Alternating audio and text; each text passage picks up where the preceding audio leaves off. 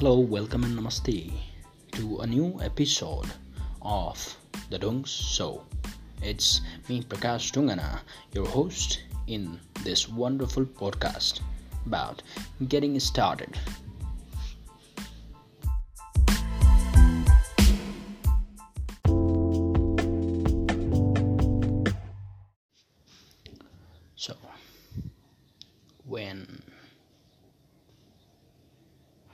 Was preparing for my exam, I, I thought what I could do after my exam. I make several plans. After that, I felt quite happy, and then I didn't think that. I didn't think about my present. I didn't really think that my present is that much important because the plan was the plan seemed to be very effective at the moment.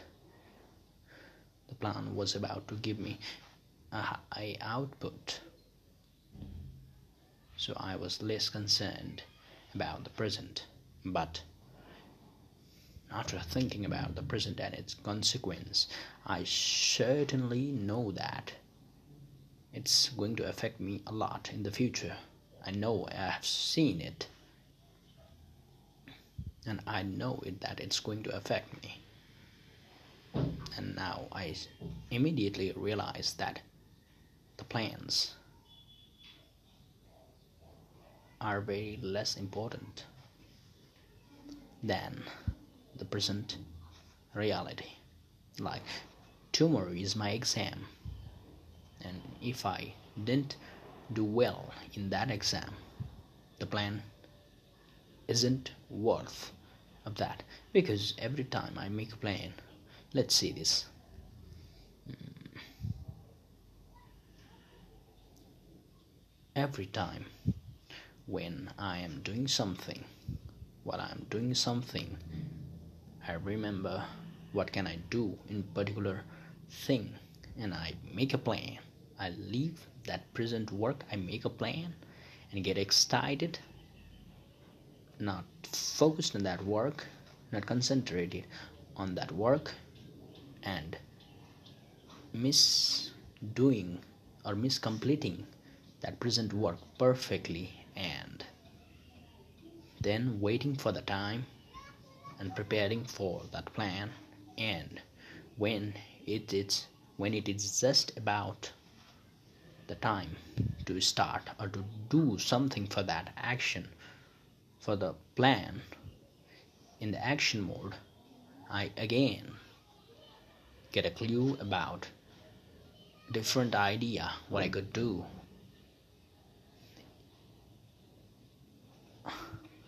After some time in a particular field i again make that plan and and drop and miss to complete the plan which i had made while i was preparing for my exam. And now i'm committing the same mistake by leaving my reality. And i'm missing what i can have simply by looking towards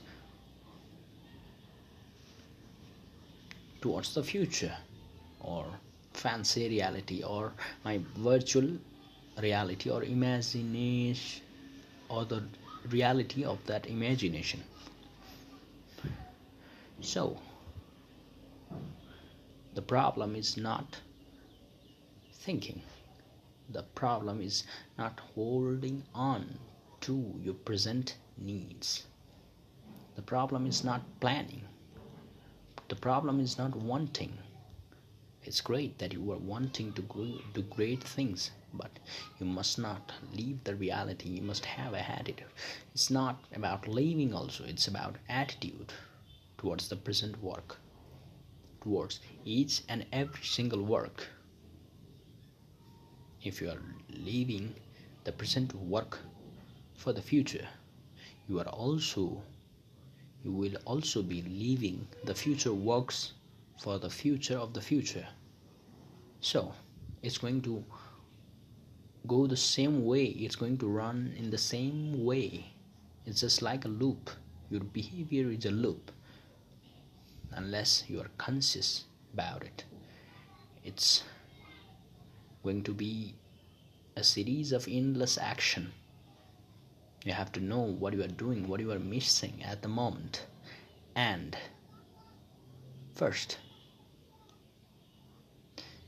complete each task and do not leave any task remaining and then plan for what can you do more to excel more to have more.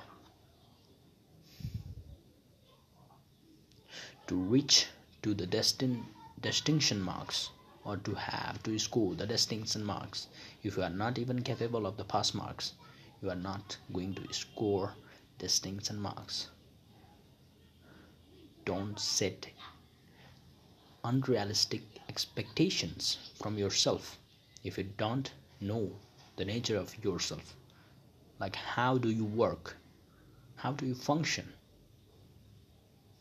How do you take the work? What is your working nature?